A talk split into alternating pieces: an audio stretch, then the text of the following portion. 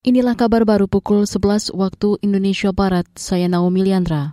Asas non-diskriminasi dinilai perlu dimasukkan ke dalam revisi Undang-Undang Informasi Transaksi Elektronik atau ITE.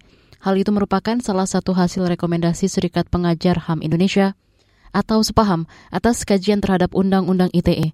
Berikut pernyataan Sekjen Sepaham Indonesia, Cekli Setia Pratiwi. Nah, rekomendasi kami yang pertama adalah RUU ITE perlu ya memasukkan asas non diskriminasi. Kemudian yang kedua, RUU ITE ya itu harus memuat norma pembatasan dengan standar tertinggi. Kemudian RUU ITE perlu ya menghapus pasal uh, tentang pencemaran nama baik. Kemudian RUU ITE perlu menghapus ya pasal 27 ayat 1 ya tentang mm, penyebaran muatan uh, yang melanggar kesusilaan karena ini sudah diatur di Undang-Undang 12 2020, uh, 2022 ya supaya tidak terjadi overlap.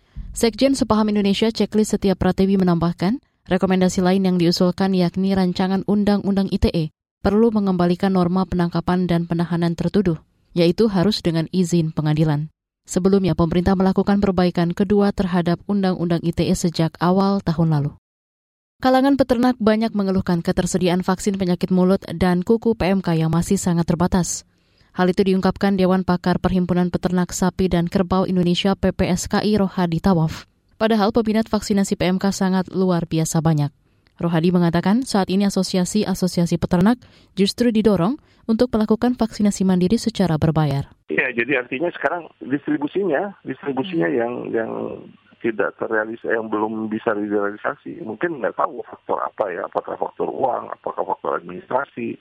Apakah faktor kebijakan pemerintah atau apa saya nggak ngerti. Tapi yang faktanya di lapangan bahwa peternak itu yang disebut ada itu nggak ada sebetulnya. Artinya nggak ada itu mereka perlu sangat perlu tapi hanya ditawari supaya mengisi kalau mau membeli secara mandiri, pengadaan hmm. mandiri gitu. Dewan Pakar PPSKI Rohadi Tawaf meminta pemerintah mempermudah prosedur dan standar operasi dan prosedur vaksinasi PMK sehingga tidak membingungkan para peternak. Anggota TNI Kopda Muslimin dilaporkan tewas di Kendal, Jawa Tengah. Dia sebelumnya diduga menjadi dalang upaya penembakan istrinya sendiri di Semarang.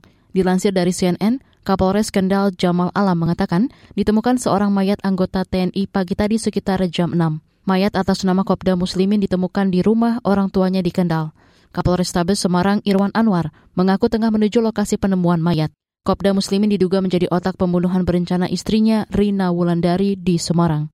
Dia juga memerintahkan sejumlah orang untuk menghabisi nyawa sang istri. Polda Jateng telah menetapkan lima tersangka pembunuhan berencana istri Kopda Muslimin itu.